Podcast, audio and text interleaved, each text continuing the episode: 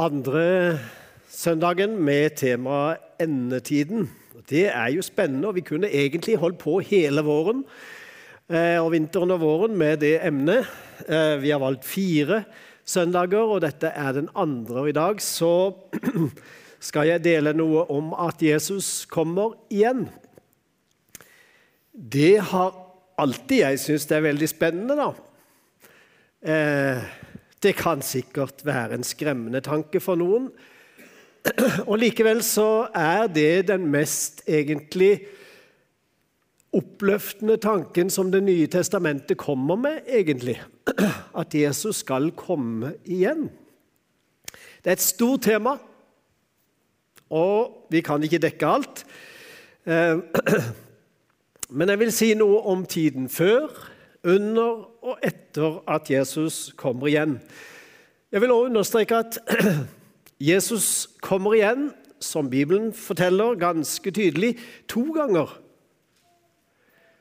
Eh, og jeg skal si mest om den første nå i dag, og også nevne litt om den andre gangen. Eh, og så er det mye mer å si i det. det viktig, men det er viktig å holde forskjellen helt klart på disse to gangene at det står at Jesus skal komme igjen.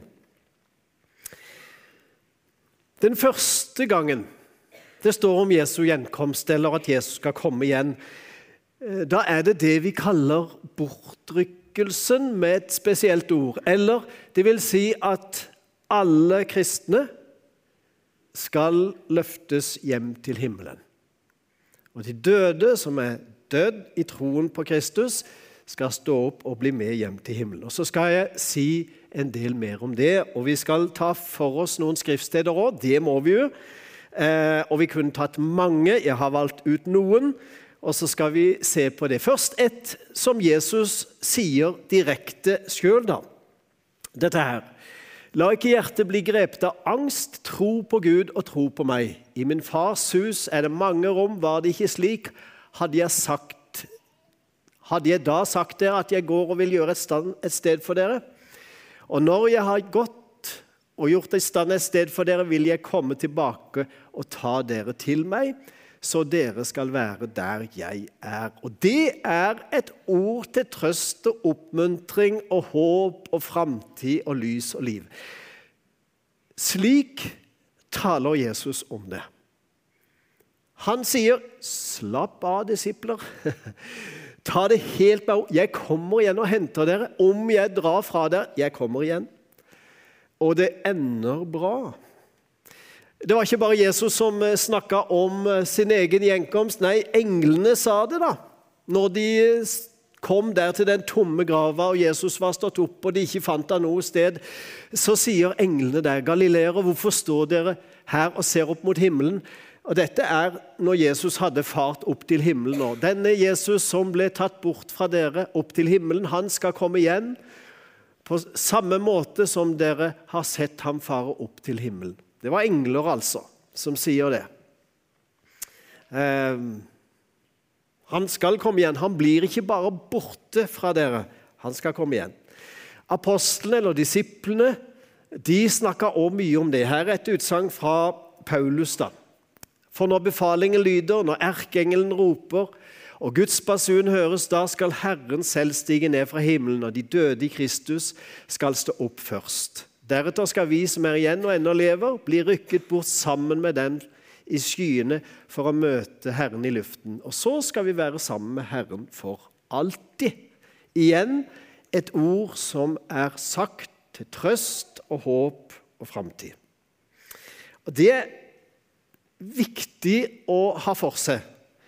Eh, jeg vokste opp i en tid, særlig på slutten av 60-tallet og begynnelsen av 70-tallet, der ord om Jesu gjenkomst, eller at Jesus kommer igjen, det, det ble av og til ganske skremmende.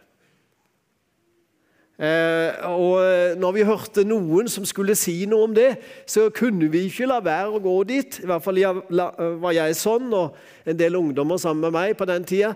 Eh, og når vi først kom dit, så, så var det liksom litt sånn skjelvende. Hva skal de si nå? Hva er det som de skal Og så videre. Så tenkte jeg at ja, er dette skummelt? eller er det bra? Er dette, gjør det meg redd, eller gir det meg håp? Og igjen alt det Jesus, englene, disiplene fortalte om dette, det var for håp og trøst og framtid. Det er viktig å ta tak i og holde fast på. Så når eh, Jesus kommer, så skal han hente menigheten, de kristne. og Det er det altså vi kaller for bortrykkelsen. Han kommer i skyene, står det. Ja. Um, og Jesus eh, sa det rett og slett når han sto fengsla der og for de høye råd, når han skulle dømmes til døden i Jerusalem den gangen. Så ropte han ut, og så skal dere se menneskesønnen komme på himmelens skyer, sier han. Og de ropte og skreik og sa, har dere hørt noe sånt vås? Vi dømmer han. Han kan jo ikke mene alvor. Komme på skyene. Ja, et uh, utsagn som har blitt gjentatt av disiplene og opp igjennom.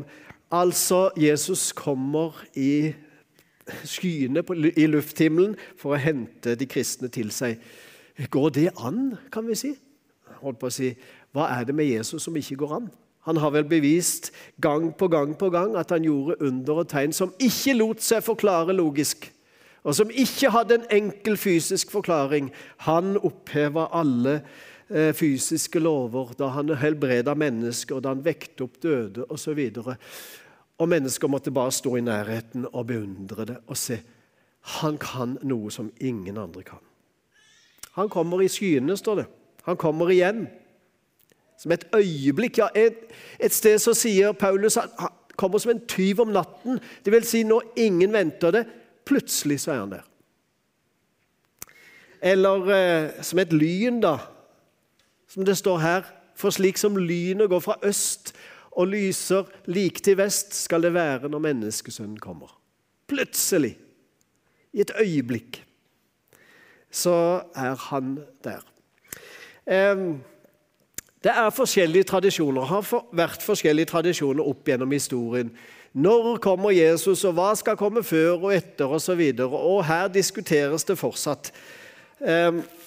Og Jeg skal ikke gå inn på så mange ting, men jeg er ganske overbevist om at det som um, Bibelen snakker om den store trengsel, dvs. Si ei tid med forfølgelse og grusomheter som det ikke har vært maken til på jorda. Jesus kommer igjen før det for å hente sine hjem til himmelen. Så de kristne, de troende, skal ikke oppleve den store trengselstida som da kommer. Den kommer etterpå. Et ord som antikrist. Vet ikke om du har hørt det, men altså det skal stå fram en leder i verden. Dette kan vi lese mye om i eh, evangelien og i den siste boka i Bibelen, Johannes' åpenbaring. Skal stå fram og ta på en måte en stor folkelederplass. Og Han blir kalt antikrist, for han skal stå for de motsatte av verdier som Kristus har stått for. Og så skal han forføre mennesker og bedrar og så skal det ende med en katastrofe til slutt, når eh, dette får sin slutt. Han vil få spillerom etterpå at menigheten, de kristne, er dratt bort. Eh, hva er det som holder igjen? Jo, Paulus sier det på den måten. For dere vet hva som nå holder igjen, slik at han først åpenbarer seg når hans tid er inne. Lovløsheten virker allerede med sin kraft, men i, hemmelighet. For han som ennå holder igjen, må først bli ryddet av veien. Da skal den lovløse åpenbare seg. Det er skrevet om menigheten som først må bli tatt bort. Og så har jeg bare gjort med den tanken Det står jo ikke så mye om det, da, men jeg har bare gjort med den tanken Hvordan vil det se ut når de kristne blir løfta opp og møter Jesus i himmelen? Jeg tenker bare sånn rent praktisk Du verden så mange ting som må gå i stå. Som plutselig stopper opp. Kanskje katastrofer og ulykker pga. at eh, kristne har forskjellige funksjoner rundt i samfunnet som alle andre. Og det må bli veldig masse spørsmål. Hvor ble de av? Når kanskje gudshusene står tomme osv. Hva skjer nå? Hva skal vi gjøre nå? Altså, En kan bare ane hva som skal skje, jeg skal ikke spekulere mer i det. Så Jesus kommer først for å hente de kristne hjem til seg. Den andre komme, som Bibelen taler om, det er når Jesus kommer igjen på Oljeberget, eller i Israel, da, på Oljeberget. Dette er et bilde fra fra Jerusalem, hvor du ser over tempelhøyden, altså over en dal, altså opp på en høyde bak der. Det heter Oljeberget. Eh, og til og med profeten, eh, profetene snakker om det. Eh, men her står det sånn den dagen skal han stå med føttene på Oljeberget, som ligger rett ut mot Jerusalem i øst. Oljeberget skal revne i to fra øst til vest, og det skal bli en veldig dal, står det eh, profeten Zakaria, Zakarias forteller om det. Så da skal han komme igjen for annen gang og opprette et evig fredsrike på jorden og føre eh, holdt på å si, kamp mot det onde og ødelegge det for evig og alltid. Altså opprette en rettferdighet som det ikke har vært maken til før. Jeg skal ikke si så mye mer om tida etter det andre kommer. Det er verdt mange bibeltimer, bare det. Eh, og Du kan lese hele f.eks. kapittel 2 i 2. Tesalonikerbrev. Eh, står det veldig mye om den tida. Så det er spennende lesning. Eh, og kan du si, når jeg har forberedt meg litt til dette emnet, så så mer og mer har jeg sett at du verden så mye det står om dette. Og du verden så mye Det nye testamentet taler om dette. Også det gamle, men spesielt det nye. Det er liksom endeløst nesten i disse emnene. Hvor Jesus snakker, hvor disiplene snakker.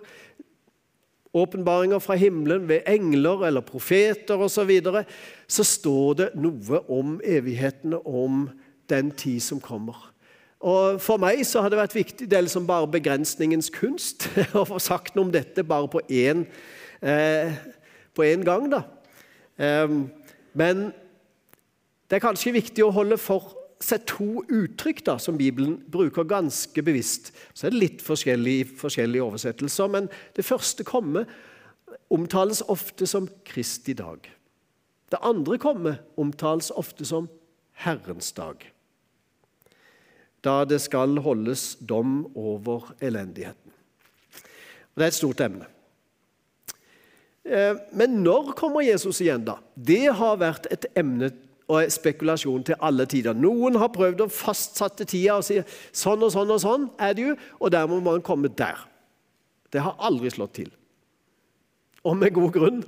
For Jesus sier eh, sjøl, altså, men den dagen og timen kjenner ingen, ikke englene i himmelen og heller ikke Sønnen, bare Faderen. Altså, Her er det til og med en så stor hemmelighet når det skjer, at Jesus sjøl har heller ikke blitt fortalt det før han får beskjed av sin far nå kan du gå og hente hjem de kristne. Hvem skulle vi da være som skulle vite noe mer enn til det med det Jesus gjør? Nei. Og jeg sier heldigvis. Tenk om noen hadde gått rundt med det store svaret. Det hadde blitt helt umulig å leve med, nesten, tenker jeg. Så det vet vi ikke. Timer og dager og tider. Og det skal vi være glad for at vi ikke vet. Sånn er det. Men det finnes tegn da, på at ting kan nærme seg. Ehm, jeg skal nevne noen. Eh, vi lever bl.a. i en høymaterialistisk tid. Det står det noe om. At mennesker skal bli veldig materialistiske. At det skal bli en overflod og overforbruk av det meste. Holdt på å si, Snakkes det om overforbruk i dag? Ja. Holdt på å si, eh, eh, Hva er det storpolitiske spørsmålene i dag? Det handler om forbruk og overforbruk og ødeleggelser av den jorda vi har fått. Og så skal jeg ikke si mer om miljøbevegelsen, men at vi er inne i en slik tid, ja, for all del. Absolutt.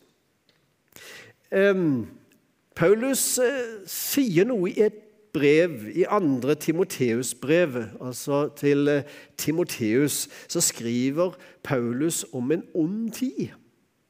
En vanskelig tid. Og hør, se på dette her. Du skal vite at i de siste dager skal det komme vanskelige tider. For da skal menneskene være selvopptatte og pengegriske, brautende, hovmodige og spottende, ulydige mot foreldre, utakknemlige og uten respekt for det hellige, ukjærlige og uforsonlige, baktalende, ubeherskede, rå og ondsinnede, svikefulle, oppfarende og innbilske. De elsker nytelser høyere enn de elsker Gud. Du verden for en liste! Stemmer noe av dette vi ser rundt oss, og kanskje til og med kjenner litt igjen i vårt eget liv? Ja visst. Jeg holdt på å si Vi kunne nesten kvittere ut alt som et av det der. Så at eh, slik er de siste tider. Det skal komme vanskelige tider, sa Paulus. Og sa han det til Timoteus, ja, så stemmer det i hvert fall nå et par tusen år etterpå.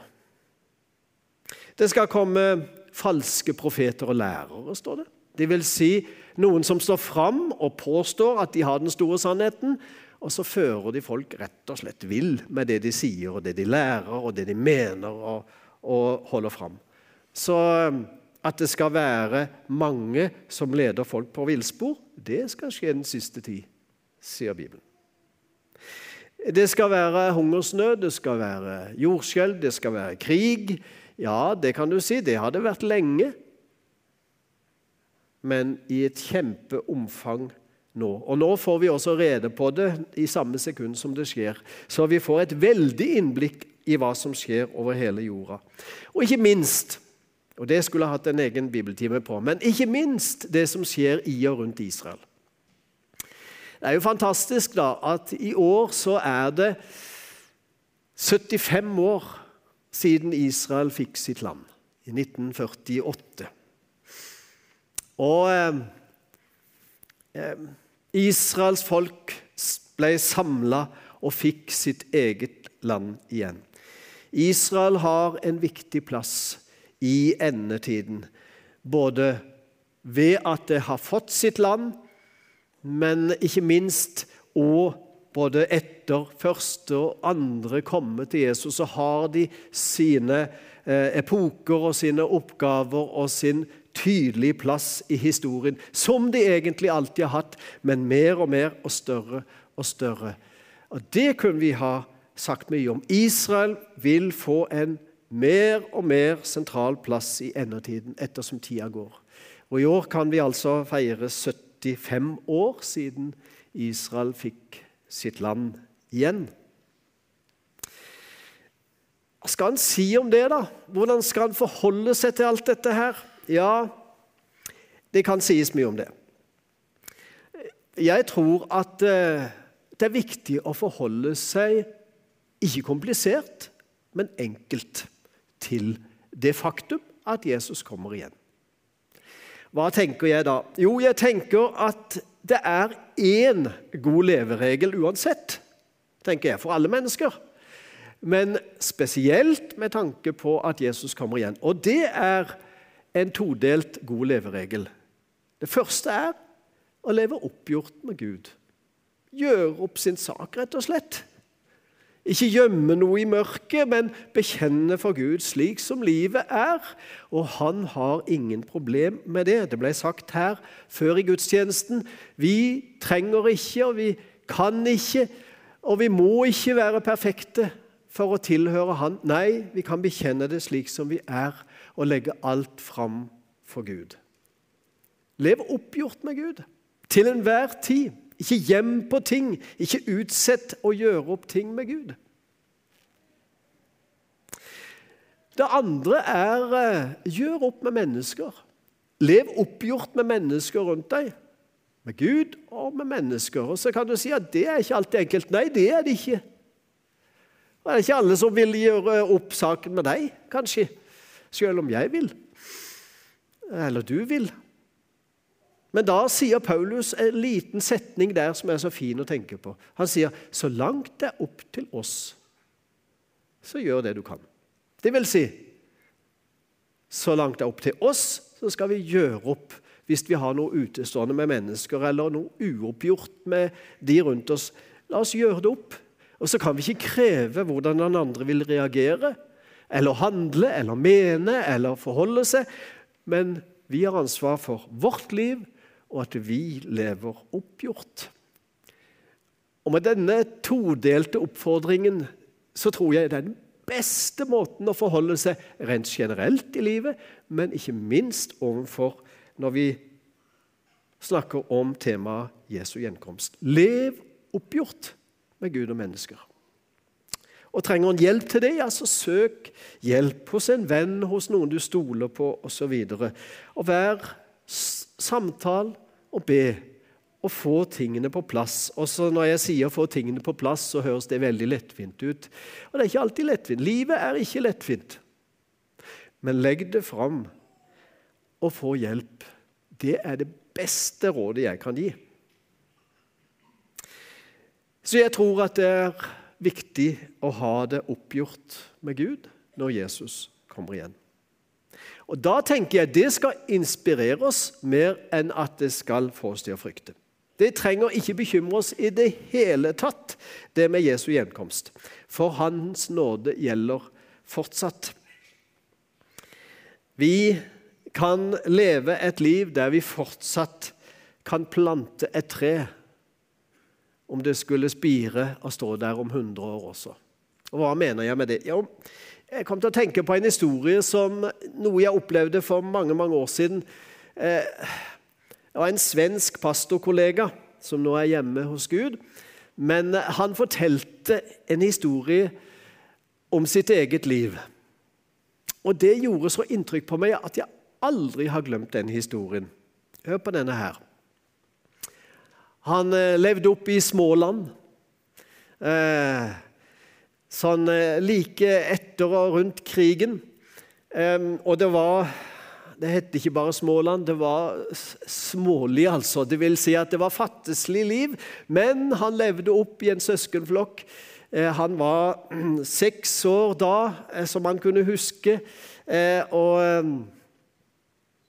et, en gang så, så, sier han at han skulle tale i menigheten hos han da når han var voksen og blitt pastor. Så, så sa han hvert år så skulle vi tale et ord om Jesu gjenkomst. Sånn var det i den menigheten.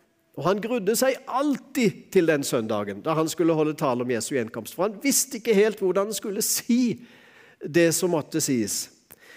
Og en, Ei helg, sa han, da, like før jeg skulle holde den talen jeg hadde lagt meg lørdag kveld, og jeg hadde ikke forberedt et ord. Jeg greide ikke å finne ut av hva jeg skulle si på søndag morgen. Jeg la meg og sov, sa han, og den natta drømte jeg meg tilbake til Småland. Da jeg var seks år og gikk i mine kortbukser, som han sa, hjemme hos min far og min mor og søs mine søsken. Vi hadde en farbror, farbror Larsson i Amerika, som skulle komme på besøk. Og Det var noe stort. Han hadde aldri møtt farbror Larsson.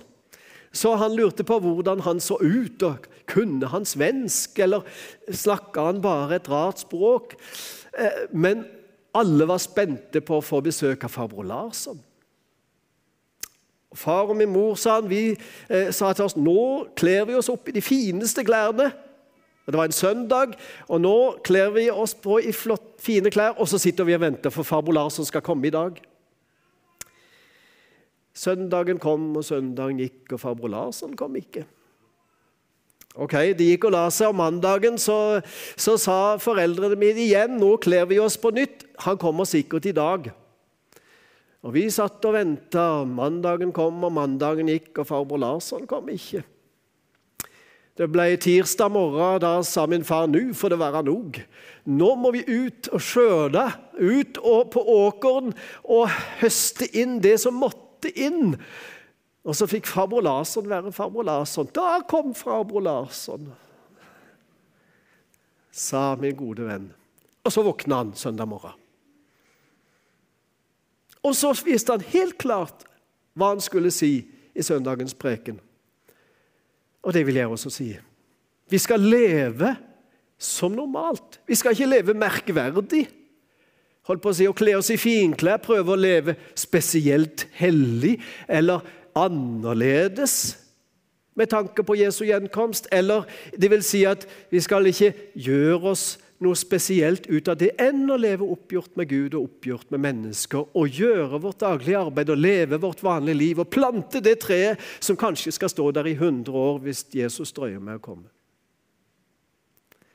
Farbror Larsson kom når han kom, og Jesus kommer når han kommer. En av profetene sier, 'Jeg vil gi deg framtid og håp'. Ja, Var ikke det en fin eh, profeti å få? Da var det Israel som var i utlendighet og var fanger i et annet land, og Jeremia sto fram og sa, 'Nå kommer en tid da vi skal få det bedre'. Og det skal bli en helt annen virkelighet, og mange trodde ikke på det. Nei, dette går dårlig, og dette går galt. Men tida kom, og de fikk sitt land igjen. Eh, I dag så har også Israel fått sitt land igjen. Vi venter på et annet land, himmelen, der vi skal bli tatt med en dag. Johannes Disippelen Johannes han sitter ute på øya Patmos. Han eh, har opplevd mye sammen med Jesus da han var ung. Han har opplevd mye sammen med sin bror og sine venner, de andre disiplene, og han har sett én etter én så har de måttet dø for sin tro. Og de har blitt fengsla og torturert og drept og blitt spredt for alle vinder. Nå er det bare Johannes igjen. Og han har blitt en eh, mann oppi åra. Og nå ble også han fengsla. Han ble også eh, sendt i eh, eksil ut til øy. Og der sitter han og skriver og tenker og ber. Og Plutselig så åpner himmelen seg over han, står det. Og ånden begynner å tale til han, Den hellige ånd, og sier, 'Skriv ned det du nå hører, og det du nå ser.' Og Johannes gjør det. Og Det er den siste boka vi har i Bibelen. Og Her står det mye om det som skal skje. Ikke alt som er like lett tilgjengelig. Og En kan stille spørsmål om og lure på hva betyr det eller det. Og Allikevel Johannes hadde disse syner. og Det er blitt den siste boka i Bibelen. Og Han så inn i det som skulle komme. Og han avslutter, og det skal jeg gjøre i dag, han avslutter med én tydelig bønn. Han sier rett ut, 'Kom, Herre Jesus'. Når han har sett alt som skal skje, og han har skrevet den ned, da er det bare én liten bønn igjen for han å be. Og han sier, 'Kom, Herre Jesus'. Slik avslutter Bibelen. Slik avslutter Johannes' åpenbaring. Og slik vil jeg avslutte min tale i dag skal vi be. Herre Jesus, takk for at du er her. Du er en Gud som har kontrollen. Du er en Gud som eh, en dag sier, 'Nå kan du dra ned, min sønn', og hente de som har gitt sitt liv til meg. Både de som er døde i troen, og de som fortsatt lever. Herre Jesus, den dagen, den kommer. Vi vet ikke når. Hjelp oss å leve oppgjort Hjelp oss å leve klare og samtidig leve det liv vi har fått. I ditt navn vi ber. Amen.